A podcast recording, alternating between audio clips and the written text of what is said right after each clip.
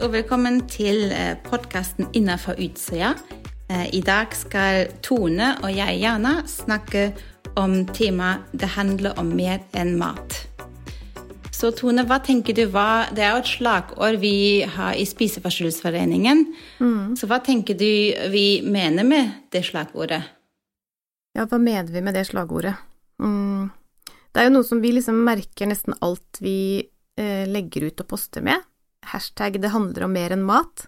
Mm. Um, og det er jo fordi vi tenker at uh, maten er et symptom uh, som egentlig handler om noe annet. Mm. Uh, som er forskjellig fra person til person, hva det kan være. Men at maten blir et uttrykk for noe som egentlig ligger under. Ja, ikke sant. Så det er egentlig som, som alle andre avhengigheter også, at det er eh, At det ligger noe bak den den, eh, den spiseforstyrrelsen.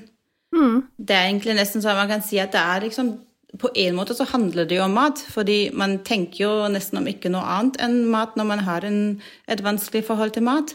Mm. Eh, men så ligger det Er det to, to, lag der, så ligger det noe under der også. Mm. Og jeg tror veldig mange, når de hører om spiseforstyrrelser som ikke har erfaring selv, tenker at det handler om akkurat dette med mat, da, eller at det handler om slanking, eller det handler om å ikke klare å begrense seg, eller altså alt, Hele bildet de ser, er jo at uh, maten er det som uh, syns, da, at det er det som er problemet. Og det viser seg jo gjennom maten, men uh, det handler jo gjerne om andre ting enn akkurat den maten, og jeg tror mange selv kanskje ikke vet helt hva det er heller. Mm. Hva tenker du at det kunne være, det som ligger, ligger bak det? Jeg tror det handler mye om følelser. Mm. Um, for noen så kan det handle om konkrete ting som har skjedd uh, tidligere. Uh, eller det kan handle om og det, og det, trenger ikke å være det nødvendigvis. Um, noen har opplevd mobbing, noen har, uh, er bare usikre i seg selv, lav selvfølelse eller eh, man kan føle seg ensom, eller man kan føle seg utrygg. Eh, men poenget er at følelsene som er der, da, eller de følelsene som er der, blir så uhåndterbare. Mm. De blir så store og vanskelige. Mm. Det er vanskelig å få uttrykt de. Mm. Og da blir, blir, jo kanskje det å um, uh, bruke maten uh, som en slags mestring, mestringsstrategi, egentlig, for å, for å håndtere det som det som er så vanskelig, det som er, føles uhåndterlig. Mm. Og så vet vi jo at det, eh, det hjelper. Mm. Men uh, hva tenker du om det i forhold til at det fungerer jo? Det er jo derfor det er så vanskelig å komme ut av det. Fordi det har jo en funksjon. Um, hva mener du at uh, er, hvorfor, hvorfor, det fungerer, tenkte du, eller? Ja, eller hvordan kan det fungere? Hvordan kan mat hjelpe mot Hvordan det kan fungere. Ja. Ja, det er ofte kjempevanskelig å forstå eh, for, for pårørende. ikke sant? Hvordan, hvordan, kan det fungere å uh, ja, rist, uh, spise mindre eller uh, spise masse? Um, mm. Men det, det, er jo noe med at, at man Hvis man har da en anoreksi, eksempel, og har mye restriksjon rundt, rundt mat, så så demp, demper det følelsen. Uh, man er opptatt, opptatt, med å uh, Eller man er så opptatt med, med, tanker om mat og hvordan man uh, håndterer, håndterer, den delen, at man har ikke noe kapasitet for å, for å kjenne på det som, som, egentlig ligger bak det som er vanskelig. Mm. Og jeg tenker Det er også, det er egentlig litt lignende med en annen spiseforstyrrelse som bulimi eller overspisingslidelse. Da distraherer man seg um, med, med, disse episodene med overspising fra de følelsene som, som er vanskelige. Mm.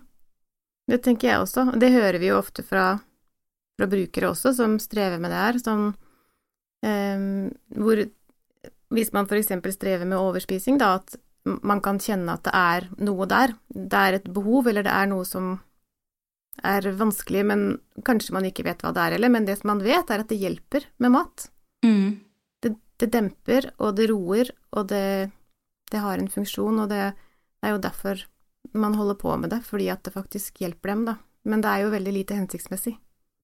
Det er jo ofte sånn at vi hører at uh, av de som søker hjelp hos oss, at uh, de tenker at Eller synes det å ha et vanskelig forhold til mat, eller en spiseforstyrrelse, blir en veldig stor del av den, uh, den man er. Hva, hva, tenker du om det, Tone? Ja, det, det er det jo mange som uttrykker. og jeg tror det handler om forskjellige ting hos de ulike, men for eksempel mange, mange starter jo kanskje å streve med mat og kropp og vekt når de er i ungdomsåra. Mm. Um, og det er en tid der man utvikler den hvem man er, hvilken uh, identitet man har, hva, hvem er jeg, hva inneholder mitt liv, og hva inneholder jeg? Uh, og når man utvikler problemer med mat uh, på den tida, så kan man jo fort bli den som for eksempel eh, trener kjempemasse. Mm. Den som alltid er supersprek, den som alltid spiser supersynt, mm. eller den som alltid spiser mye, eller den som ikke er med i gymmen, eh, den som syns eh, eh, aktivitet kan være vanskelig å være med på. Så, så, blir det en mening rundt deg da, om hvem du er, og det blir en så stor del av deg at det er vanskelig også å endre på det. Mm. Eh, når det skapes sånn inntrykk akkurat det, den alderen der. Mm. Ja, og så, hører vi jo også ofte at ja, at, at folk ikke vet hva, hvem, hvem, de er uten spiseforstyrrelse, at uh, de er redd for å, for å oppdage noe som, som, ikke føles greit, på en måte. Mm. Um, og det, det, kan man jo egentlig ikke forstå ganske godt, da, fordi um, for eksempel hvis man har brukt all denne tida på å tenke på mat og kropp og vekt i lang tid, det tar nesten all plass i hjernen din, og så skal du slutte med det, så blir det jo plass til noe helt nytt. Mm. Men hva skal jeg fylle det med da? Mm. Jeg, jeg, jeg, dette er jo det som er meg. Hvem er jeg hvis ikke jeg har dette prosjektet, hvis ikke dette er det største prosjektet i livet mitt, hva, hva er det jeg er da? Hva, eller omvendt for de som Eller ganske likt, ikke omvendt, men eh, for en som strever med overspising, og som kanskje har en større kropp, og som alltid har tenkt at ja, men jeg er jo sånn. Um, det er en del ting man kanskje ikke kan gjøre, eller tenker man ikke kan være med på fordi at man er forhindra fra det, og så er det vanskelig å se for seg hvordan hadde livet mitt vært eh, hvis det var annerledes. Mm. Så ville også kanskje de rundt stilt andre forventninger til deg. Mm. Eh, det ville kanskje måtte ta ansvar for ting som du eh, har sluppet unna, da, på grunn av den sykdommen du har, enten det handler om eh, overspising eller underspising eller kompensering eller, eller, hva det er for noe, på en måte. Det er mange nye ting man må forholde seg til, mm. eh, og det kan gjøre at man blir litt forvirra over hvem, hvem er jeg som den personen? Ja, og så er det jo ofte sånn at det som er kjent, selv om det ikke som, selv om det er vanskelig, så, så føles det allikevel trygg, tryggere enn det som er ukjent. Mm, absolutt. I motsetning til det der det handler om mer enn mat, så hører vi ofte sånn i behandlingssituasjoner, da, at eh, eh, mat er medisin. Har du noen tanker om det? Ja, det kan jo virke som at eh, ok, det passer jo ikke sammen hvorfor uh, det ene Ja, vår slagord sier at det handler mer om mat, og så kommer man da til, til en behandlingsinstitusjon hvor man hører at mat er medisin. Men jeg tenker jo at der sier man bare igjen eh, veldig tydelig at eh, en spiseforstyrrelse har flere lag. På overflaten handler det om mat, men så ligger noe annet bak det. Og, og for å bli frisk av en spiseforstyrrelse, så, så, trenger man Da blir mat medisin. Man trenger å, å, spise regelmessig, man trenger å gå opp i vekt når man er under, mm. undervektig. Så um, men, så, men så blir det jo også viktig å jobbe med det som ligger under der. Mm. Eh, man må kanskje starte med, med den matbiten, men uh, i etterkant jobbe med det som, som, Eller samtidig med det som ligger, ligger bak det, for å, for å, få det bra igjen. Mm. Så det vi mener med at det handler om mer enn mat, det er jo ikke Vi mener jo ikke at det ikke stemmer at mat er medisin, fordi mat er jo absolutt medisin, men, men det handler om mer enn det. Det hjelper ikke å bare fokusere på, på maten, da, og som, som kanskje mange av de vi snakker med, opplever når de er i behandling, at eh, det eneste som betyr noe, er mat, kosthold og vekt. Ja, du, du, jobber jo også som rådgiver i, i Spisfor. Hva, hva, hva, hører du da fra de som um, du snakker med om, om, akkurat den biten i uh, forbindelse med behandlingen? Blir det tatt hensyn til uh, at det handler om mer enn mat? Det er litt varierende, og heldigvis er det noen som opplever at det, at det blir også fokus på litt annet enn bare mat og, og vekt. Men uh, de aller fleste snak, har nok vanskelig for å eh, formidle akkurat det, uh, og opplever nok at det som er viktig, er måltidsrytme eller altså reduksjon av spiseforstyrrelsessymptomer, selvfølgelig, og dersom det trengs å tas igjen tapt vekt, at det blir Eh, at vekt blir stabilisert, og, og, måltider, og at det er liksom alt det handler om. Og så uh, opplever mange at underveis her da, når man gjør disse endringene, så man jo, blir man jo fratatt det verktøyet man har brukt for å dempe disse tinga som vi snakka om tidligere i episoden, ikke sant, om følelser og disse vanskelige tinga. Så står man igjen der med ting som er overveldende, som man kanskje ikke får hjelp med. Um, og det, det tror jeg mange syns er vanskelig. Eh, eller noen tenker at eh, ja, men disse tinga skal du jobbe med et annet sted, fordi at her jobber vi med spiseforstyrrelsen, her er jobben vår å få en eh, stabilisert vekt og et måltidssystem som fungerer og er normalt. Og så når vi har gjort det, så hvis det er vanskelig fremdeles da, så må du et annet sted for å få hjelp med det. Og samarbeidet mellom disse to stedene er kanskje ikke til stede i det hele tatt, eller veldig marginal, og det, det gjør det vanskelig å tørre, da, å fortsette å holde ut det å gjøre disse endringene. Mm. Da blir jo det med ettervern så veldig viktig eh, etter når man har vært kanskje innlagt eller har vært i en behandling på BUP eller DPS. Mm. Um, så, så, er jo jobben ikke Den er jo ikke ferdig. Den er ikke det. Det er kanskje da det, da det starter. Mm. Eh, når vi sier at det handler om mer enn mat, så kan det være mange syns det er vanskelig å vite hva dette mer er, utenom at det bare er noe som er vanskelig. Det er noe som gjør vondt, det er noe som er angstfylt, mm. um, og som gjør at folk syns det er vanskelig å endre, eh, endre på ting, da, Å komme ut av en spiseforstyrrelse, eller å endre på ting som, som er vanskelig med mat, kropp og vekt. Mm. Hvordan eh, Altså, kan vi hjelpe oss selv på noen måte ved å prøve å være mer nysgjerrig på på dette mer, eller hva det behovet egentlig er? Mm. Jeg tenker det blir um, en veldig viktig del av det å uh, få det bedre og finne ut av hva egentlig uh, det mer er. Um, og så er det jo er akkurat, akkurat det blir jo um, blir jo veldig vanskelig å, å, å stå, stå, i disse ubehagelige følelsene som, som, dukker opp når man ikke har en spiseforstyrrelse som, som, demper det som er vanskelig. Og noen ganger må man også man trenger På en måte trenger man noe som erstatter den spiseforstyrrelsen, en mestringsstrategi som, som er konstruktiv. Um, men ofte finner man kanskje ikke den, den strategien før man har vært litt sånn i liksom henger litt sånn løs i lufta i, i en periode, da det, alt kjennes bare veldig, veldig uh, sårt ut. Mm. Og jeg tror akkurat den, den perioden blir så, blir så, veldig vanskelig for mange. Det tenker jeg òg. At man har ikke tålmodigheten og, til å stå i det og kjenne på det som, som er vondt. Mm. Men akkurat det øyeblikket er så potent, når man liksom klarer å, å stå, stå, i de ubehagelige følelsene og, og um, holde ut, så, så, blir det bedre. Mm. Mm. Jeg tenker at eh, på, akkurat på det tidspunktet der, så, så opplever jeg at mange eh, eller mange opplever å miste f.eks. behandlingstilbudet sitt, da. Mm, ja. De har kommet akkurat dit at de ikke trenger behandling for den spiseforstyrrelsen lenger. Det er kanskje en stor reduksjon i symptomene.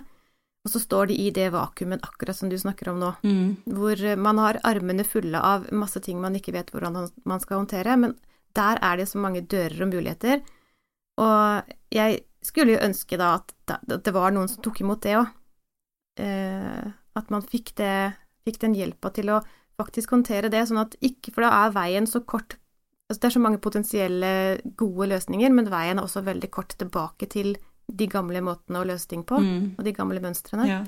Og vi i Spisfor jobber jo også, også, med å endre behandlingsapparatet på en måte, sånn at, det, at eh, de som har et vanskelig forhold til mat, får en god behandling og, uh, og den biten. Men hvis, hvis, vi tenker da på, på en, en, som har det vanskelig og er uh, kanskje innlagt akkurat nå, hva kan vi liksom, hva kan vi si til, til den personen? Hva kan, kan, man gjøre for å, for å unngå at man eh, står, uten, ja, står uten hjelp etter å komme ut av, eh, av eh, behandlingssituasjonen? Jeg tenker En viktig ting å si er jo det som vi gjør nå, at vi vet at det er vanskelig. Vi vet at det er vanskelig når, eh, når symptombildet har blitt bedre, og man kanskje har fått en stabil vekt, man kanskje har et mer stabilt spisemønster, så er det vanskelig. Eh, og vi er der da, selvfølgelig, og jeg tenker at eh, å, å, ha noen å snakke med om at dette her er vanskelig nå, fordi ofte så er jo sånn at alle rundt også da er så fornøyd, ikke sant, alle er så 'Å, så bra, nå går det bedre, nå ser vi det går bedre', og ja. 'Herlighet, så flink du er, og nå går det bra', og så, så oppleves det ikke sånn på innsida, så det krasjer så veldig med de, det man møter på utsida. Mm. Jeg tror det er viktig for oss at vi sier det både til de som strever med det selv, og til de som er rundt, at eh, det er ikke sånn det funker. Mm. Eh, det er fremdeles mange ting som må håndteres og læres på nytt. Mm. Ja, så vi, da trenger man egentlig forberede veldig godt de rundt en når man kommer da f.eks. hjem fra en behandling. Eh, hvordan, hva man trenger i den, i den perioden når man, eh, når man uh, komme hjem, og at um, Ja, at selv om det ser ut som man har det bra igjen, at det er fortsatt vanskelig. At man trenger fortsatt hjelp og støtte. Jeg tror mange syns det er vanskelig å, si ifra om det. Og så tror jeg det er lite kunnskap blant pårørende, da, eller de som er rundt, om akkurat den utrolig sårbare fasen der, men som har så mange muligheter, så mange gode muligheter, hvis den blir ivaretatt.